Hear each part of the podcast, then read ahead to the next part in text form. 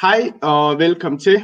Øh, I aften har vi fornøjelsen af at tale med partilederen for de nyetablerede parti Fri Grønne, Sikanda. Hej Sikanda. Hej, hej til dig og hej til alle sammen, der lytter med derude. Det er en fornøjelse at være med øh, i aften. Sikanda, programmet her er to delt. Øh, den første del vil vi gerne finde ud af, hvem du er som en person og hvad du brænder for, og også dine politiske visioner. Så den anden del handler om partiet og hvad I står for og jeres mærkesager. Så hvis vi lige starter lidt med dig, øh, hvem er Sikanda Siddiq? Mit navn, mit navn ja. er Sikanda. Jeg er født øh, på Rigshospitalet og øh, opvokset på Nørrebro, Blågårdsplads. Jeg er 33 år gammel, jeg er gift, har en søn, og mine forældre kom til Danmark øh, i 70'erne fra Pakistan. Jeg havner med et stort K, har boet her altid, og øh, jeg har fra en meget ung alder haft en interesse i politik. Jeg har i hvert fald altid vidst, at øh, altså, når man, jeg kan huske, at da jeg var helt ung, og, man, og jeg tænkte tilbage, hvad vil jeg gerne, når jeg bliver stor? Så var det ikke at tjene en masse penge, så var det ikke at, at, at en profession øh, anden end, end politik. Jeg har altid haft lyst til at lave samfundsforandringer. Og jeg tror, at den retfærdighedssans, den kommer fra min, for det første min opdragelse, min aktivistiske opdragelse på Nørrebro, men den kommer også i høj grad af hjemmefra. Min far var øh, og er højt uddannet. Min mor havde en gymnasiel uddannelse, hvilket jo også, øh, hvilket også ikke var, altså det var jo heller ikke helt normalt for dem, der kom, kom her i 70'erne, for minoritetskvinder. Mm. Ja. Men min far, han har været demokratiforkæmper og altid øh, været aktiv i politik.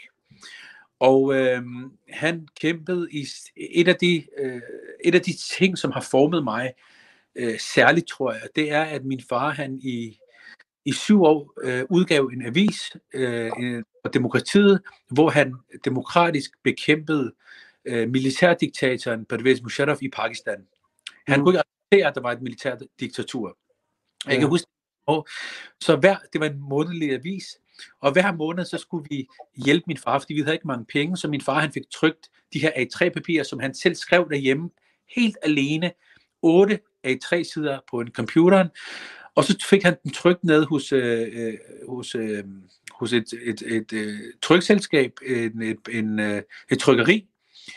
Og så kom han hjem med dem, og så skulle mig og min lillebror øh, klipse otte sider sammen, og så sendte vi den rundt om i, i verden.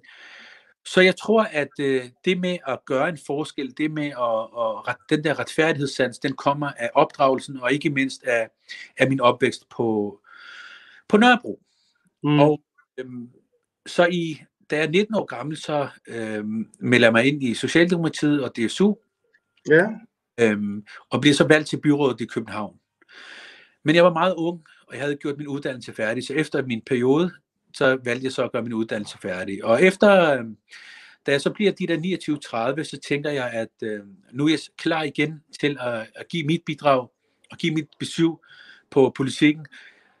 Også i høj grad drevet af, at, at øh, hele Dansk Folkepartis øh, tilgang til minoriteter herunder, særligt muslimske medborgere, den var så demoniserende og stigmatiserende, at jeg selvfølgelig også i hele min ungdom og min opvækst blev ramt af den, øh, hvad kan man sige, af, af de spydigheder og af den øh, ubehagelige retorik, der, der jo var, og ikke, øh, ikke mindst lovgivningen, lovgivningen mm. som du lavede sær, særligt mod minoriteter.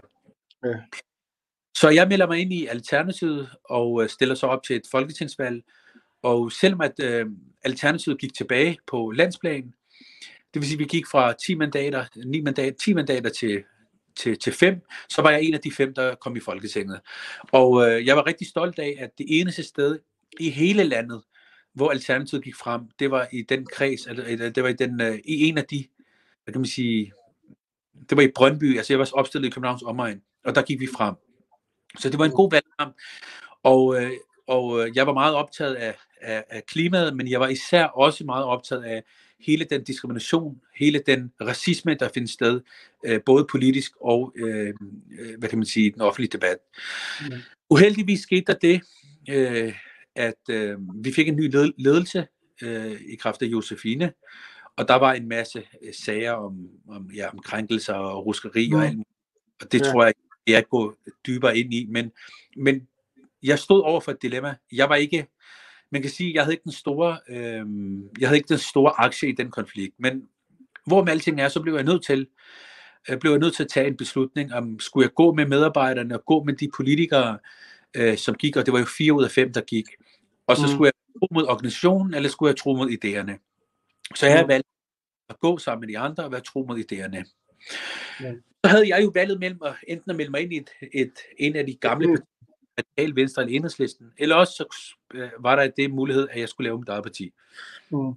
Og jeg sad og tænkte, sandheden er, respekt for alle vores støttepartier, men selvom at hver gang, at minoriteterne stemmer på dem, og de lover os guld og grønne skove, så er sandheden bare, helt fra hele tid, at de sørger for, at Socialdemokraterne bliver øh, statsminister, og før valget, så lover de os rigtig meget, men efter et valg, så sidder vi minoriteter tilbage med ingenting. Mm. Der, de har gode intentioner, men når det kommer til handling, så leverer de ikke. Og jeg mm. havde valget mellem enten at melde mig ind i et andet parti, stille op, få et eller andet ordførerskab, og så bare sidde på bagerste række, eller også så komme med politiske svar på øh, det, jeg mener, der er behov for. Et klimaansvarligt parti, et antiracistisk parti. Mm. Så derfor så, øh, under mens der var corona, så arbejdede jeg på at lave det her parti, og det lancerede vi så i mandags. Ja. Så det er lidt om, om mig ja. og bevæggrunden. Men, men jeg tænker, nu siger du jo, at øh, det her støttepartier, øh, til Socialdemokratiet. De lover meget, men det gør ikke noget. Øh, hvorfor skulle I være anderledes? Altså, hvordan vil I bruge jeres magt, for eksempel? Der er to ting i det, ikke? Altså, Dansk Folkeparti og Inger Støjbergs umenneskelige udlændingepolitik, den er blevet mm. adopteret en til en af Socialdemokratiet. Mm. Det vil sige, at fører Dansk Folkepartis udlændingepolitik i dag. Ja. Og venstrefløjen, altså støttepartierne, har indirekte accepteret den ved at skrive under på forståelsespapiret. Ja. For eksempel i 2009-10, tror jeg det var, der gik øh, radikal venstre til valg på at sige, at vi vil afskaffe 24-årsreglen, og at, øh, at de ikke vil levere mandater til en socialdemokratisk regering, hvis ikke vi får udlændingelempelser. Men hvad skete mm. der? Der skete det, at de gik, I gik i regering med øh, Socialdemokratiet, de lavede dagpenge reformsforringelser. Ja. Men hvad skete der med udlændingepolitikken? Der skete ikke noget. Mm. Alligevel, den her gang ved Folketingsvalget, så støttede mange minoriteter, radikale og enhedslisten. Og så spørger mm. jeg bare, hvad fik vi? Vi fik mm. ikke. Mm. Så der, hvor jeg tror, at vi kan gøre en forskel, det er, vi har sagt klokkeklart, vi er et erklæret antiracistisk parti. Vi vil ikke acceptere, at man kan gå rundt og øh, lave særlovgivning for minoriteter. Vi kan ikke acceptere, at man laver diskriminerer muslimske medborgere og andre minoriteter i medierne. Og hvis du kigger på mit politiske arbejde indtil nu, jeg har været medlem af Folketinget et år, så har jeg særligt forsøgt at løfte den dagsorden. Jeg har mm. for eksempel på Folketingets talerstol sagt glædelig ramadan, og det skabte en ramaskrig. Ja. Pia Kærsgaard gik amok. Hun sad derop som, som, forbes, øh, som øh, øh, formand for Folketinget, men ikke engang der kunne hun lade være med at blande sig i debatten. Inger mm. Støjberg regerede, Mette Thiesen ja. for Nyborg regerede. Men jeg stod fast på at sige, nej, vi er et demokrati, der skal være plads til alle minoriteter. Hvis vi mm. kan sige god jul herfra, kan vi også sige glædelig ramadan. Ja. På samme måde, da hele øh, debatten eskalerede i USA og også i Danmark mm. omkring George Floyd, og det at sorte borgere bliver diskrimineret. Sorte borgere er udsat for strukturel racisme, for politibrutalitet. Mm. Og der mener jeg, at vi som mennesker har en pligt, uanset hvor vi er i verden, til at vise solidaritet med vores sorte medborgere i USA. Så jeg gik op til afslutningsdebatten og holdt et minut stillhed for George Floyd. Og alle mm. dem, der ramt af racisme. Mm. Og jeg ved ikke, så den debat, men jeg blev bombarderet i Folketingssalen med folk, der synes, at det skulle jeg fandme ikke gøre, osv. osv. Ja. Så min pointe med at sige det her, det er, i mit arbejde i Folketinget har jeg altid forsøgt at være tro mod mine værdier, og tro mm. mod, at vi har brug for en mangfoldig stemme. Mm. Og hvordan er det så, at vi vil bruge den nu? Som jeg sagde, at nu har lavet vi et parti, og sandheden er, at venstrefløjen er blevet for pæne. Der er ikke nogen opposition til, øh, til regeringen. Selv venstrefløjen det lykkedes Anders Fogh og Pia Kjærsgaard at trække venstrefløjen til højre. Mm. Mm. Så lige behov for et parti på venstrefløjen, der stiller sig op og siger, at vi er klimaansvarlige, stiller sig op og siger, at vi er antiracistiske. Og hvordan vil vi så bruge Man kan sige, at ja, vi har ikke 90 mandater. Vi kan ikke vedtage lovgivning. Men jeg mm. plejer sige til, til, til mine medmennesker, jeg har lige fået en søn, der hedder Michael. Ikke? Og mm. Michael, han, han er 6 måneder gammel. Nu skal han lære at kravle.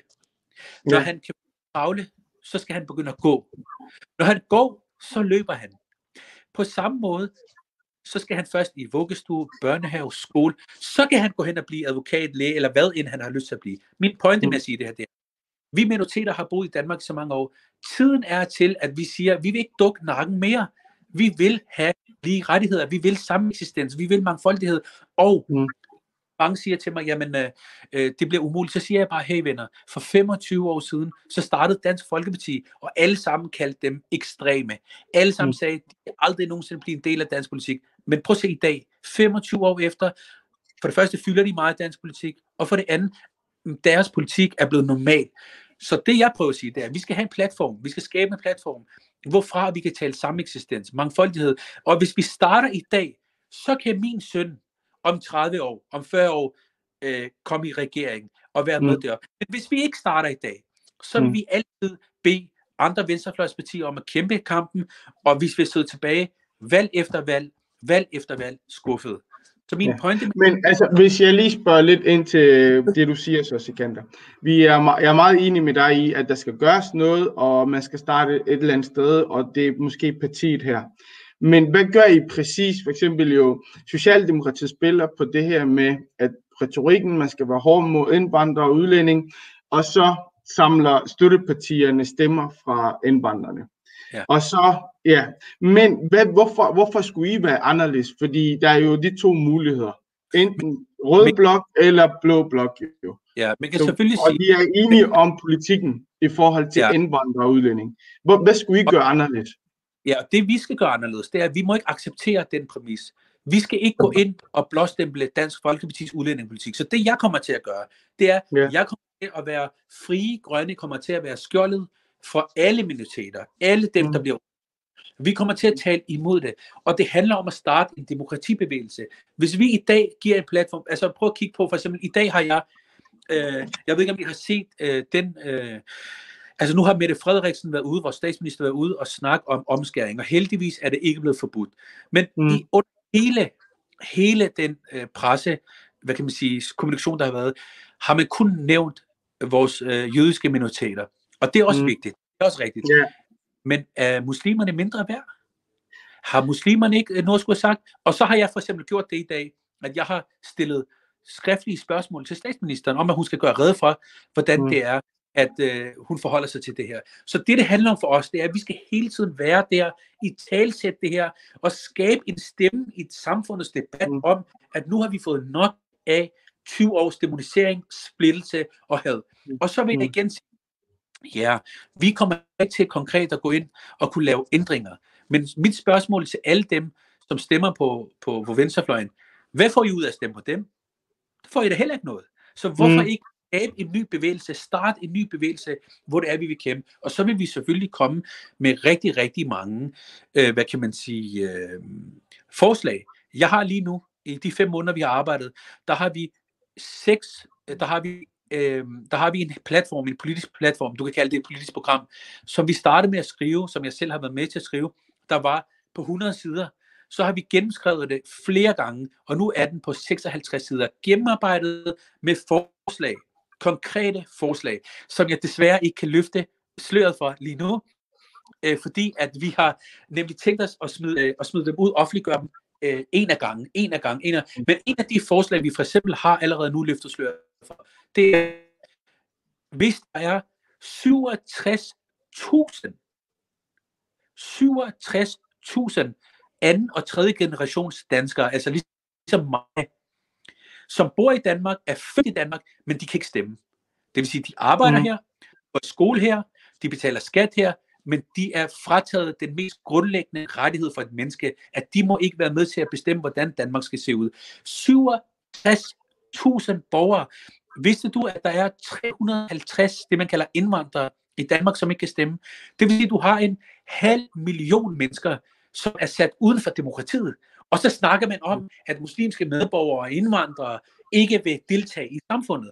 Så derfor er Men vi har det ikke noget at gøre med, at det ikke, har, at det ikke er danske statsborgere? Jo, lige præcis. Ikke? Og det er derfor, Ja. jeg siger, og så kommer vi med det her, det her forslag, der hedder, at er du født i Danmark, lige dine forældre har dansk pas eller ikke har dansk pas, er du født i Danmark, skal du automatisk have dansk statsborgerskab. Og har du boet i Danmark lovligt i syv år, så skal du automatisk have dansk statsborgerskab. I dag er reglerne så forkerte, at det er et politisk flertal, der afgør, om man kan få dansk statsborgerskab. Det vil så sige, at efter 10 år, efter 9 år, når du kan søge, så går der en 10-11 år, før du reelt set får det, hvis du er heldig. Og, og selv der sidder der et politisk flertal og skal afgøre, om du skal have dansk statsborgerskab eller ej. Vi mener, at det skal være en administrativ øh, hvad hedder det, beslutning. Der skal ikke sidde et politisk flertal, og hvis de har lyst, så kan du blive det, og hvis de ikke har lyst, så kan du ikke blive det. Spørgsmålet vil så være, Sikander, hvem vil støtte op om det jo inde i, i Folketinget? I Det er rigtigt. Christiansborg. Hvem? Ja.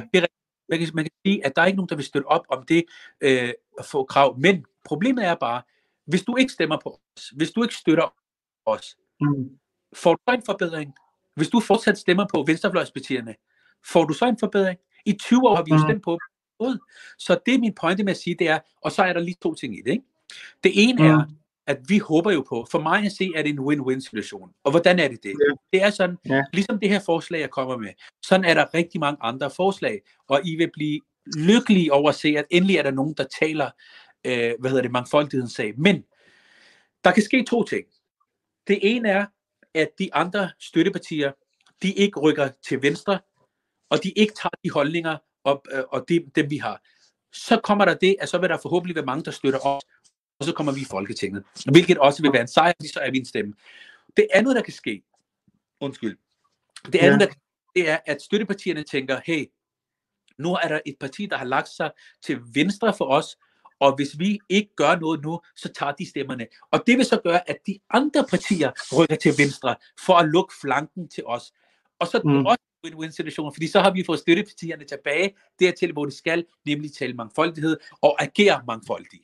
Okay, Mm, hvis nu jeg leger djævelens advokat nu, ikke? og så siger, okay, øh, rent politisk vil I ikke kunne gøre ret meget, men I vil kunne være en stemme, øh, nogen der vil komme med nogle forslag i Folketinget. Kan man ikke sige det på den måde? Fordi, jo. altså, ja, Men udover det kan du jo også sige, altså man skal jo tænke på, som jeg sagde før, et barn skal lære at kravle, før han går. Han skal gå, før han løber. Problemet Mm. med minoriteterne er, at Dansk Folkeparti, Inger Støjberg, nu Nye Borgerlige, og endda Stram Kurs, der er så meget, øh, der er så meget konkurrence om at være hårdest mod minoriteterne, at Mm. vi er nødt til at starte et sted. Hvis vi starter i dag, så kommer der en ændring i vores forhold om 20 år. Men hvis vi Ja. ikke starter dag, så vil vi om 20 år også være her, hvor vi er i dag. Netop, at man kan sige, hvad man vil sige om os, man kan lave lovgivning imod os, lige meget hvor meget vi bidrager i samfundet. Her for, for, nogle, øh, for en måned tid, tid siden var jeg i Deadline og andre steder, hvor jeg blev, øh, hvor jeg kritiserede øh, statsministeren for sin indvandrerdreng og udskamme de somaliske miljø i Aarhus, mm. fordi de blev ramt af corona. Ja. Øh, hvis ikke vi gør det, hvem skal så gøre det? Så, så, så, så jeg forstår dig, det du tænker, det er, det her det er en langsigtet projekt, det er ikke noget, der, der, der vil ikke ske en ændring på kort sigt, men måske om 10-20 år, så vil man kunne se en ændring. Hvis Og man skal starte i dag. Ja, men Ja. ja. hvis vi ikke hvis vi siger godt, vi støtter ikke frie grønne, vi bliver bare ved med at støtte enhedslisten og radikale, eller resten af venstrefløjen, jamen så er du, om 20 år er du også her, hvor du er i dag. Der vil ikke ske nogen forbedringer. Godt, godt. Okay, kan du så fortælle, hvad jeres mærkesag er? Hvad er Ja. det, I kæmper for? Ja, vi kæmper for fem fokusområder. Det ene område, det hedder natur. Fordi vi mener, at vi er i en klimakrise, og vi er på vej mod et koalitionskollaps. Og ingen partier leverer handling på klimaet lige nu. Og problemet med klimaet er, det er, at du kan ikke forhandle med naturen. Hvis du Nej. rovdrifter på kloden, hvis du rovdrifter på naturen, så kommer der en tsunami, så kommer der Mm. oversvømmelser, så kommer der fødevaremangel, så kommer der øh, 250 millioner klimaflygtninge. Hvad skal du så gøre? Det er det ene. Den anden ting, det er mangfoldighed. Vi siger klart og tydeligt, vi er Danmarks nye antiracistiske parti. Vi vil ikke acceptere ghettoparken. Vi vil ikke acceptere burkaforbud. Vi vil ikke acceptere 24-årsreglen. Vi vil ikke acceptere de stærke, øh, de hårde familiesamfundsregler, der er. Vi vil ikke acceptere, at alle partier de kæmper imod at være stærk, øh, hårdest mod øh, minoritetsborgere, mod vores anden og tredje generations danskere. Så vi kommer til at have en meget, meget kraftig og klar profil på antiracisme. Udover ja. det, så er det tredje fokusområde, det er kultur. Kultur er meget, meget vigtigt. Jeg kan huske, da jeg voksede op, mine forældre havde ikke mange penge. Jeg har ikke mm. oplevet meget kultur. Jeg har ikke oplevet, øh, jeg kom ikke i teater, da jeg var barn. Jeg kom ikke ud og oplevede, fordi kultur, det lærer dig at være kritisk. Kultur lærer dig øh, at inspirere dig. Kultur, det mm. gør, at du tænker. Så derfor så mener vi, at kultur er vigtigt for alle. Og især når vi siger, at man skal sætte forbruget ned, fordi at klimaet har ikke godt af, at vi forbruger, vi køber mobiltelefoner, vi køber tv, vi smider dem ud. Vi bruger, bruger, bruger, bruger ressourcer af naturen. Det kan jorden ikke klare. Så hvis vi tager noget fra nogen forbud, så skal vi selvfølgelig give dem noget, og det er klimaet. Derudover så fokuserer vi på det fjerde punkt, det er civilsamfund. Mm. Hvor de andre øh, venstrefløjspartier, de normalt siger, at vi skal have en større stat, så siger mm. vi, vi skal have et stærkere civilsamfund. Vi skal have andelsbevægelsen. Vi skal have kooperativer. Vi skal have medarbejderejede virksomheder. Fordi hvis du kigger på Danmarks historie, så alt det innovation, folkelig innovation, der er kommet, det er ikke kommet fra kommuner og stater. Det er kommet fra mennesker, der har sat sig sammen i forpligtende selskaber og, og, og løst de udfordringer, der har været i samfundet. Det har gjort, at vi har andelsbevægelsen, højskolebevægelsen. Det er dem, der har gjort, at vi i dag har et stærkt øh, Danmark, et stærkt mm. velfærdsstat. Og derfor mm. er det på tide, at man støtter friskoler. Man støtter alle. Hvorfor er alle skoler på folkeskoler ikke profilskoler?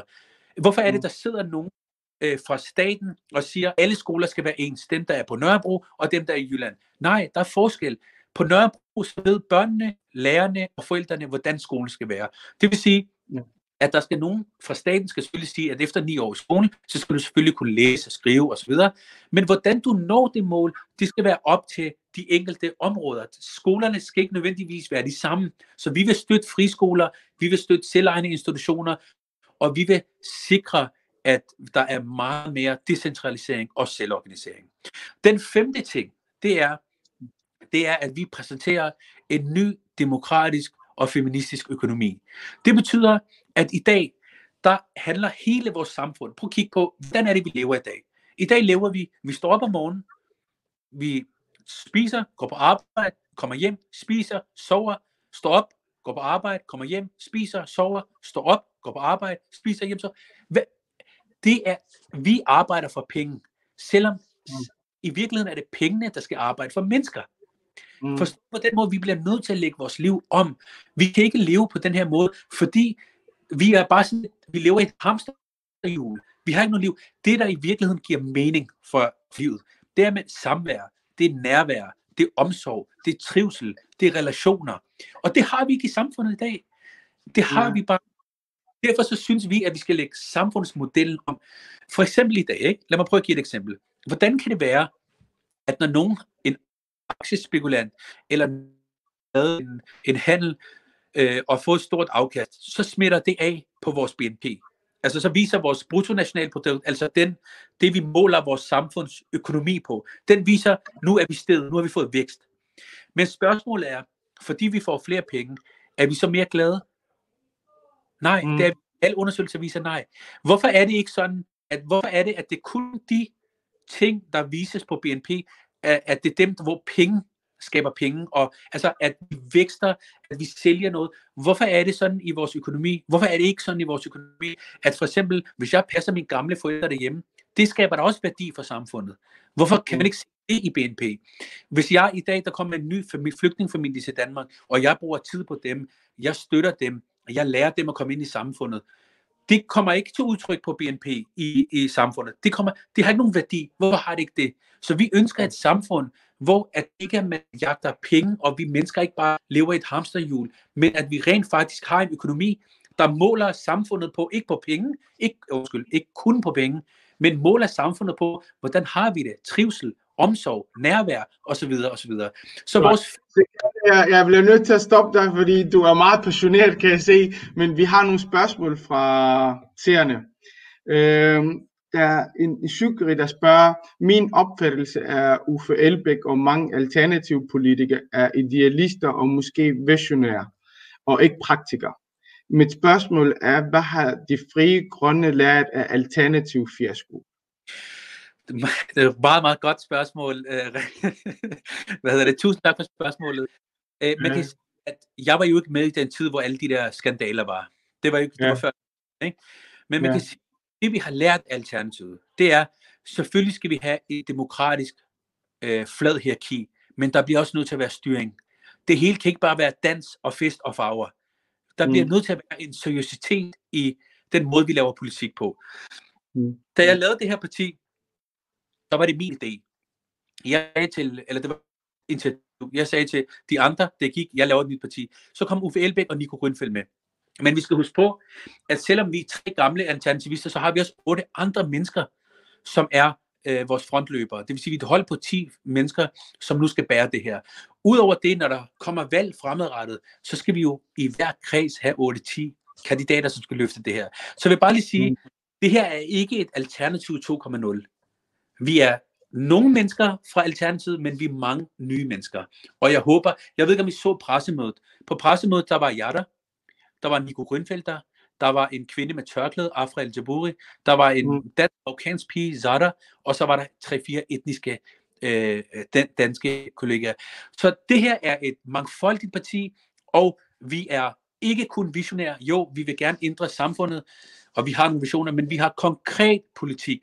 For eksempel det der, jeg sagde med øh, statsborgerskab. Er du født i Danmark, så skal du på den måde være, jeg kan næsten love jer, Shukri, jeg kan næsten love dig med stensikkerhed, at når vi i næste uge og næste uge igen begynder at, at, at fremlægge vores politik, så vil du sige, at det er visionært.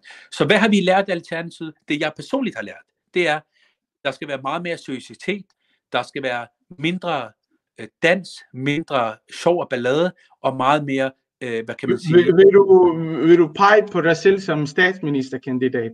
Nej, nej. Nej. Hvor, hvorfor ikke? Fordi jeg synes, det var faktisk meget modigt af Uffe. Jeg ved ikke, hvorfor folk var så meget imod det. Det, der det, var, det var faktisk mig, der var den første ude i, og dengang var jeg jo ikke medlem af Folketinget, så gik jeg ud i avisen, og så skrev jeg, jeg kan stadig huske, jeg kan se det på Ekstrablad, hvis jeg skriver Uffe som statsminister Sikanda, så lavede jeg en kæmpe artikel, hvor jeg sagde, at uh, Uffe Elbæk skal være, uh, skal være kandidat, ikke? men jeg vil bare sige, prøv at kigge, Danmark er ikke klar til en brun muslimsk statsminister endnu. Det er det ikke. Også hvis, ja. jeg nu, også hvis jeg nu vågede mig ud i det helt urealistisk, så er ja. Danmark ikke Men det er derfor, jeg siger, at hvis vi i dag starter, hvis vi nu siger, nu har vi fået nok, vi vil lave en demokratibevægelse, så kan min søn eller din søn, Shukri, om 30 år måske være statsminister i Danmark. Men lige nu er vi langt, langt fra, at Danmark er Musa spørger, Sikander, Musa spørger uh, enig i meget, der bliver sagt. Mit spørgsmål til Sikander er, hvad vil de nye parti være villige til at gå på kompromis med for at opnå politiske indflydelse, hvis de kommer ind? Ja, vi, vil, uh, vi har som sagt de her fem fokusområder, og uh, ja. ud af dem, der vil vi på klimaet aldrig nogensinde gå på kompromis. Det vil vi ikke. Fordi, at som jeg sagde, du kan ikke bøje, du kan ikke forhandle med naturen, du kan ikke forhandle med fysikken, øh, fysikkens lov. Hvis du presser naturen, så kommer der oversvømmelser. Det, det, du kan ikke sige til naturen, lad være med til en. Så vi bliver nødt til at forholde os til klimavidenskaben. Der er vi øh, fuldstændig uf, øh, uh, hvad kan man sige, kompromilløse. Så kan jeg garantere jer, at vi kommer til at købe ind på øh, Dansk Folkepartis og hvad hedder det, Inger Støjbergs umenneskelige udlændingepolitik. Der kommer, jeg ved ikke, jeg vil virkelig, virkelig opfordre jer til, venner, vil ikke love mig, at I går ind på min Facebook i dag, og bruger en halv time, bare brug en halv time på min Facebook, hvor I går tilbage og kigger på hele det her år. Hvad har jeg sagt som politiker? Hvad har jeg kæmpet for som politiker? Og der er, når jeg ikke det, så er jeg sikker på, at bliver ligesom, at giver jeg mig ikke. Men udover det, så er det jo de andre politikere, hvor vi selvfølgelig forstår, at man skal i politik forhandle, man, skal, man får lidt, man giver lidt. Men der er bare nogle ting, som vi ikke kan give os på. Jeg nægter at give give mig i forhold til uh, Inger Støjberg i forhold til Pernille Vermund, i forhold til Pia Kjærsgaard. Jeg nægter det. Jeg nægter at give mig i forhold til klimavidenskaben. Men vi kan selvfølgelig... Skal du ikke passe på med at sige sådan noget, Sikander? Fordi når vi snakker politik, de partier, der ikke har været villige til at gå på kompromis med nogle ting, har ikke været med til at indføre nogle ting. Men for eksempel, men, jo jo, men det kan godt være, men betyder det så, retfærdiggør det så, problemet er bare ikke, at den der logik, som du taler om, ikke, det er sådan mm. Det er sådan en, vi har ja. gjort det, jeg kan garantere dig så meget, at jeg kan aldrig nogensinde komme til at stemme for en ghettopark. Jeg vil mm. aldrig komme til at stemme for, at øh, kvinder ikke må bære tørklæde i det, i det offentlige. Jeg kommer aldrig nogensinde til at stemme for, at, øh, at, at, at øh, børn ikke må... Øh... Jeg giver dig en, øh, et eksempel så. Ja. Hvad så, hvis man siger til dig, hvis du stemmer for øh, ghettoparken, så får du lov til det her med automatisk statsborgerskab. Hvad, det, er, sker der så? det er et hypotetisk tænkt spørgsmål, og det kommer jeg til at få.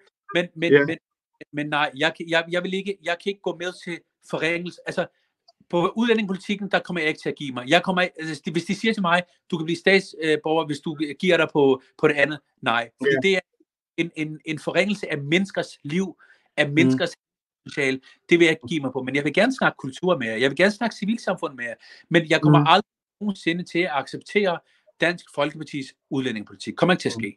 Ja. Der er så nogen, der er så skeptisk i forhold til, om I kommer ind eller ej.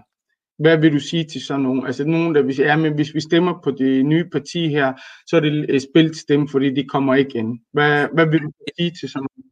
Man kan sige to ting. Ikke? Man kan sige to ting. Det ene er, vi har allerede nu sagt, at vi kommer aldrig nogensinde til at støtte en, kandid- en statsministerkandidat fra Blå Blok. Det vil sige, I er sikre på, at vi tilhører venstrefløjen. Det er det ene. Ja. Det andet er, det andet er, selvfølgelig er der altid en chance i politik. Men jeg stiller det spørgsmål tilbage, der hedder, I har i to eller tre valg stemt på støttepartierne. Mm. Jeg kunne stille et spørgsmål og sige, hvad har I fået? Mm. Mm. Ikke ingenting. Og det er jo det, jeg hele tiden siger. Er det så ikke bedre, at vi starter en demokratibevægelse? Er det ikke bedre, at vi starter en politisk platform, som ikke er en del af status quo? Vi er, der er cirka 320.000 muslimske medborgere. Der er mm. cirka 500.000, det de kalder ikke-vestlige indvandrere. Der er cirka 900.000 indvandrere, det vil sige 10 procent af den danske befolkning. Vi skal bruge, ud af den hele danske befolkning, skal vi bruge 2 procent. Men det, ja. jeg det jeg beder om i første omgang, det er ikke, at I skal stemme på mig. Fordi I har tre år til at se, hvad det er, vi beder. Det jeg beder om, venner, det er, gå ind og give os en vælgerklæring, hvis I har ja. lyst til Fordi hvis vi får 20.000 vælgerklæringer, så er vi opstillingsberettiget. Så kan vi stille op til Folketinget. Og så er det jo op til jer, om I vil give os en stemme, eller ikke vil give os en stemme. Men jeg synes, at vi fortjener en vælgerklæring. Venner, hvis Paludan får stram kurs, kan få 20.000 vælgererklæringer, mm. kan vi så ikke i humanismens, i mangfoldighedens navn, få 20.000 vælgererklæringer? Jeg vil blive chokeret, hvis det var, at hvis man kan give Paludan en chance, at man så ikke ja. også kan give en chance. Ja, men normalt, altså folk siger jo, at vælgererklæringer skal man give de fleste af partierne, så de har i hvert fald en chance for at prøve deres politik af, og så ja. er det op til vælgerne, om man stemmer på dem eller ej. Øh, Øh, jeg vil lige spørge dig lidt omkring, øh, øh, hvis man kigger på øh, det politiske, politikere med ikke-vestlig baggrund, sådan for at de kan få lidt medvind og også måske blive valgt ind, er det sådan typisk øh, indvandrerkritisk og har, er hård i retorikken mod minoriteter og indvandrere. Ja. Hvorfor har du ikke valgt den vej for at få succes? Fordi at ja, fordi at jeg ikke er i politik for at lave karriere. Ja. Jeg er uddannet fra universitetet. Jeg, har en, jeg kan gå ud og få et arbejde, og kan tjene til, til, til dagen. Mm. Jeg er ikke fordi, at jeg ikke længere vil finde mig i at blive behandlet som en andenrangsborger. Mm. Jeg vil ikke finde, at når politikerne bare har lyst, altså bare når de har lyst, så går de bare ud og stigmatiserer og demoniserer muslimske medborgere og minoriteter. Det vil jeg ikke. Det her det er mit land. Jeg er født her. Jeg mm. kræver, at jeg skal være med til at definere fremtidens Danmark. Mm. Jeg blev kaldt indvandrer hele mit liv. Mm. Vi er danskere. Nu har jeg fået en søn. Skal han også mm. kaldes indvandrer? Skal han ja. også udsætte sin profilering? Det mener mm. jeg, det mener jeg, at tiden er til. Sådan er det, sådan som jeg mærker det lige nu. Ikke? At det er den, ja. det oplevelse, jeg har, når jeg møder folk. Jeg har brugt hele sommeren på at rejse rundt i Danmark. Jeg snakkede også med somali, dansk-somaliske foreninger i Aarhus. Jeg snakkede ja. også med øh, øh, alle mulige foreninger ikke? rundt omkring. Og min ja. oplevelse er, at nu er den næste generation, altså arabiske danskere, tyrkiske danskere, somaliske danskere, pakistanske danskere, de unge mennesker er uddannet. Altså lige under, og, lige under overfladen, ikke? Mm. så mm. ligger der, den er ved, sådan, den er ved at eksplodere, det er et demokratisk diskussion, hvor man siger, men vi vil ikke acceptere det mere, vi vil gerne være med til at forme samfundet. Og jeg tror, er inde nu til, at man, vores budskab er fredeligt, vores mm. budskab er ærligt, vi mm. ikke havde, vi, når jeg siger, at vi har lavet et frontal angreb på status quo, så hvor mm. kommer det angreb fra? Det kommer fra et, et demokratisk og et, et, et, et godt og, og et fredfuldt hjerte. Men jeg siger bare, mm. at vi vil ikke dukke nakken mere. Jeg vil ikke, jeg vil ikke mm. acceptere og så kan det godt være, ja, jeg får ballade. Så kan det godt være, ja, at Pia Kærsgaard, ligesom nu, nu har jeg lavet det her parti, hvis andre parti, mennesker, de laver parti, så går politikerne ud og angriber øh, politikken. Men Inger Støjberg, mm. Peter Skorup og alle sammen, de angriber min person. Hvorfor? Ja, Fordi det, de, kan ikke, ja. de, kan ikke, de kan slet ikke forstå, at i 20 år har vi demoniseret muslimerne, og lige pludselig er der en, en brun muslimsk mand, som er partileder på Christiansborg. Det, det, det er et chok. Det er et chok for dem. Og derfor så har jeg det bare sådan, de kan have alt det, de vil. De kan prædike, prædike had. Vores budskab, det er kærligt. Vores budskab, det er fred. Vores budskab, det er ligestilling. Men vi dukker ikke nakken mere. Vi siger tingene, som de er. Og så kan det godt være, at jeg får trusler, jeg får hadbeskeder, men men hvis ikke vi gør noget nu, hvornår skal vi så gøre noget? Så jo, du mm. har ret i... At men er det noget, der påvirker dig, Sikander, det her med truslerne og, og blive kaldt det ene og det andet? Er det noget, der påvirker dig personligt? Jeg tror på, at når min dag er kommet, er min dag kommet. Så er der ikke ja. noget at gøre. Så skal ja. der så sker der noget. Men jeg vil selvfølgelig sige, at det påvirker mig mere nu, end det gør før, fordi nu har jeg en søn på 6 måneder, og nogle gange så mm. tænker jeg, prøv at tænke på, hvis jeg kommer hjem en dag, og der står en eller anden øh, ude foran min dør, og vil gøre mig fortrædet, og der sker noget med min søn. Jeg har fået lydligt fået dødstrusler, jeg ved ikke, om I så det i medierne, af en mm. socialdemokrat, der gav mig dødstrusler. Han blev så ekskluderet, og nu er politiet på sagen. Mm. Men før i tiden påvirkede det mig ikke så meget, men nu tænker jeg selvfølgelig over det, fordi jeg har familie, jeg har barn og, og, og så mm. videre. Mm. Men, men, jeg, men, men helt nede på bunden, så har jeg den øh, tro, at når min dag er kommet, så er min dag kommet. Så er der ikke noget at gøre. Så ja. det, det kan man ikke, man kan ikke lade sig styre af, af frygten. Og derfor så øh, fortsætter jeg den her kamp. Men, men, men, øh, men, øh, men du har ret i, at hvis jeg vil blive en meget mere populær politiker, så kunne jeg bare, ja. så kunne jeg bare gå ud og sige, ja, øh, islam er dårligt, mine forældre er dårlige, øh, alle øh, på Nørrebro er dårlige, og så vil jeg øh, i, i meget af det øh, politiske Danmark blive en, i sådan en øh, darling. Men ja. det er ikke det, er ikke derfor. Jeg kan, jeg kan jo tydeligt huske, hvordan Øslem, som var også folketingsmedlem, blev behandlet, når hun begyndte at komme med nogle af de her udtalelser, at man skal være mere åben og mangfoldig, og, og det er noget, der påvirket hende jo, og du, måske har hun også ikke i politik i dag på grund af det. Så jeg tænkte, om du havde også det samme tanker, altså om du... Nej, ja, du skal vide, at jeg er fast besluttet, og øh, og jeg er på en, en rejse, på en revolution, en demokratisk revolution, som er vigtig for mig. Mm. Og jeg, jeg, jeg, jeg, altså kort sagt, jeg er født i det her land. Jeg gider ikke at blive behandlet som en andenrangsborger. Det siger jeg fra over for nu. Øh, og derfor så kommer jeg ikke aldrig nogensinde til, forhåbentlig aldrig nogensinde til at sælge ud af mine værdier. Altså, jeg, jeg ved ikke, om I så et opslag, jeg lavede for nogle dage siden, hvor jeg skrev på Facebook, jeg kommer ikke til at undskylde, at jeg er muslim. Jeg kommer ikke til at undskylde, at mine forældre er fra Pakistan. Jeg kommer ikke til at undskylde min opvækst. Jeg kommer ikke til at undskylde noget som helst. Mm. Jeg, jeg, jeg skal ikke undskylde noget. Jeg skal ikke være mere taknemmelig. Jeg er dansker, ligesom alle andre i det her land. Og jeg mm. insisterer på, at vi skal leve sammen. Jeg insisterer på, at jeg og mine børn og den community, jeg kommer fra, at de også er med til at definere det næste Danmark. Hvorfor har vi to slags lovgivninger? Hvorfor er det sådan, at de børn, som øh, bor i socialt udfordrede områder, hvis de, hvis de forældre ikke sender deres børn i vuggestue, så bliver de trukket penge. Alt imens, at vi i Folketinget diskuterer, at alle øh, forældre skal have ret til at bestemme, om deres børn skal i vuggestue eller ej? Hvorfor er der to slags lovgivninger? Hvorfor er det mm. sådan, og i et område, så får du dobbeltstraf? Jeg er imod bandekriminalitet. Jeg er imod vold. Jeg er imod alle de her ting. Men hvorfor er det så, sådan, at der er to slags lovgivninger? Hvorfor er det, vi tillader mm. det? Hvorfor er det, at SF har stemt for det, et venstrefløjsparti? Så min pointe med at sige det her, det er, der er behov for et politisk svar.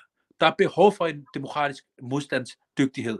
Der er behov for, at vi nu siger, jamen ved I hvad, hvis I ikke leverer det, og hvis støttepartierne ikke leverer det, så kommer vi med vores egen øh, platform, hvorfra vi taler det her, og forhåbentlig, fordi at støttepartierne er selvfølgelig vores venner, de er selvfølgelig vores allierede i kampen mod racisme, og forhåbentlig vågner de også op og tænker, at nu bliver Men vil de, se dig, vil, de, vil de se dig som en ven, når du prøver at tage stemmer fra dem, uh, Sikander? altså, så må de jo bare levere. Så må de bare, ja. hvorfor, hvorfor holder de hånden under en statsminister, der hver evig eneste gang, hun har muligheden, så går hun ud og udskammer vores minoritetsborgere? Fordi der er ikke uh, bedre alternativ, det hvis, hvis de, lad os nu sige, at man vælger Mette Frederiksen, så er Venstre jo heller ikke bedre jo. Altså, så er det ikke, jo, fordi det... der er muligheden jo. Jo, men så er mit spørgsmål, er det så ikke lige meget pest eller kolera, om det er Socialdemokratiet eller Venstre? Mm. Hvad er forskellen? De går så, altså... så er der nogen, der vil mene jo, at man vil få mere indflydelse øh, for, øh, og påvirke Socialdemokratiet, end man ville kunne gøre i øh, Venstre. Men så er det der, jeg stiller spørgsmålet og så siger, okay, så har Helle Thorning var der, og nu er Mette Frederiksen der. Hvad har, hvad, giv mig en Giv mig en gang, hvor vi har fået noget indflydelse. Fortæl mig en gang, hvor det er, vi har, vi har fået et land, hvor vi kan sige, yes, der fik vi noget. Mm. Hvis, hvis du kan komme med et eksempel, så siger jeg, okay, vi har fået ja. noget. Sandheden er, at de gik ind for ghettoparken, de her, øh, den her regering går ind for ghettoparken. De gik ind mm. for et burkaforbud, de går ind for et burkaforbud. De går ind for øh, regler på pas, de går ind for stramme regler på pas. De gik ind mm. for hvad hedder det, at lave, øh, de gik ind for 24-års regel, de går ind for 24-års regel. Vi får ikke noget, og det er også derfor, jeg hele... Så spørgsmålet vil være, Sikander, hvis alle Christiansborg, eller ikke alle, men de fleste partier i Christiansborg er enige om udlændingepolitikken, hvorfor skal man så stemme altså som en person med ikke-vestlig indvandrer? Og det er derfor, jeg siger, det er derfor, jeg er kommet frem til, ja. brødre og søstre, kære venner, vi har brug for en ny politisk platform. Det er ikke et muslimsk parti. Det er ikke et pakistansk parti. Nej, det er et dansk mangfoldigt parti. Vi har brug for en ny politisk platform, der rejser sig op, der tager de her kampe, og forhåbentlig trækker støttepartierne mere til venstre. Fordi mm. ellers så er ellers er alternativet bare, at vi bare lever som andenrangsborgere. Altså bare fortsætter, mm. som vi gør nu. Mm. Vi har fem altså, minutter tilbage. Vi vender lige tilbage til spørgsmålene fra seerne. Der er en, der spørger her, hvordan håndterer du racisme, når du oplever det på egen krop, for eksempel fra dine kollegaer på borgeren? Øh, hvil, øh, hvilket budskab vil du sende til de brune mennesker i DK med hensyn til racisme? Jeg vil sige, hvordan håndterer at, du racisme? Jamen, jeg håndterer det sådan, at når jeg er meget, meget, øh, hvis det går mig meget, meget på, mm. så øh, øh, snakker jeg selvfølgelig med mine forældre, og der finder jeg ro. Jeg finder ro hos mine mm. forældre. Jeg finder ro ved at, at være sammen med min søn, være sammen, være sammen med min familie. Og så jeg, skal jeg være helt ærlig over for jer, ikke? Mm. Det er også meget mere styrke. Fordi når jeg kan se, når jeg for eksempel laver det her parti, og stram kurs medlemmer, og Dansk Folkeparti, alle som angriber mig, så ved jeg en ting. Så ved jeg, at det jeg siger, det er sandt. Fordi mm. hvis de gik ud og sagde, Nå, men velkommen til Sikanda, og super fint og fedt, så var jeg ikke nogen trussel for dem. Så når de med diskrimination, når de går efter min person, så ved jeg ind i mit hjerte, Sikanda, du er på rette vej. Så det giver mig bare mere styrke, og det giver mig mere mod til at fortsætte. Øhm, og ellers så søger jeg støtte i, øh, i, i, i, min, i mine forældre øh, ja. og i min Hvordan, altså kan der, jeg oplever tit, når man snakker strukturel racisme og racisme, har folk svært ved at anerkende det. Øh, hvorfor tror du det? Hvorfor jeg tror, du, man at anerkende det? Jeg tror, det er fordi, at i 20 år har der kun været en stemme, der siger, at indvandrere er dårlige, og muslimske medborgere er dårlige, og der er ikke nogen, der taler det imod på samme måde. Og selvom at selvfølgelig gør er enhedslisten og radikal venstre også partier, der selvfølgelig prøver at tale, problemet er bare, at de handler ikke derefter. De taler kun. Og det betyder, at der, der har i mange, mange år, altså prøv at tænke på, når du er som etnisk dansk, altså hvid dansk, når du sidder rundt om i landet, og i 20 år siger din statsminister, din politiker, din minister, indvandrer dum, indvandrer, nu for eksempel er det, ikke? Indvandrer dum, indvandrer dum, indvandrer, så begynder befolkningen at tro, at indvandrere er dumme. Og nu for eksempel er det selvfølgelig, ikke? Det, der er behov for, det er, at der er også en stemme, der er en modpol. At der er nogen, der siger det modsatte. Så Danmark, aviserne, bringer det ud, så tv bringer det ud, og så den danske befolkning kan se, at indvandrere ikke er dumme, at integration går godt, at langt de fleste, de gerne vil det danske samfund. Selvfølgelig er der udfordringer, selvfølgelig er der folk, der ikke der, der skulle opføre sig ordentligt, men det er der også på den anden side. Det er der alle steder. Så det jeg tror, det jeg tror, det er, at grunden til, at vi er kommet hertil, det er fordi, at som politiker, så er du også meningsdanner. Det vil sige, når jeg går ud og siger noget, så legitimerer jeg holdninger. Så hvis jeg som politiker går ud og siger, at du er dum, så begynder folk at tro, du er dum. Så mm. derfor er det vigtigt, at der kommer et modpol til hele den her nationalkonservativisme, hele den her, hele den her, hvad hedder det, had, dem der prædikerer had og, og spillelse, der skal være et Godt. Sidste spørgsmål til Kente. Øh, hvordan ser du Danmark om 10-15 år? Jeg ser, at der kommer en demokratisk revolution. Jeg ser, at flere og flere minoritetsborgere siger, nej, nej, nu vil vi ikke det her, nu vil vi være med til at definere Danmark. Jeg ser, at flere og flere rejser sig, og vi, og vi nærmer os et, et mangfoldigt samfund. Et samfund, hvor at, at det er styret af grundloven, det er styret ud af, på baggrund af de demokratiske værdier, men at vi sammen definerer øh, Danmark. Sådan mm. ser jeg det Danmark, som jeg ønsker at skabe. Godt. Tak for det. Øh, hvordan kan man så give jer ved erklæringer? Vi har så set link ind her, men hvor, hvor kan man gå ind og skrive under? Det er meget vigtigt. Ja, det er meget, altså, øh, nu har vi jo lanceret partiet, så lige om lidt, så kommer vi selvfølgelig, som jeg sagde, med politik, og jeg ved, at det er politik, som I bliver drønhammerne glade for, at der endelig er der noget parti, der kommer med reelle løsninger, reelle forslag. Og så under alle de forslag vil vi selvfølgelig have en, en, et link til vælgerklæringerne. Men lige nu, der vil jeg opfordre alle sammen til, giv os nu den ene chance. Gå ind på min Facebook-side, og der vil I under i, i min kommentarfelt på min Facebook-opslag, der vil I finde et link til vælgerklæringen.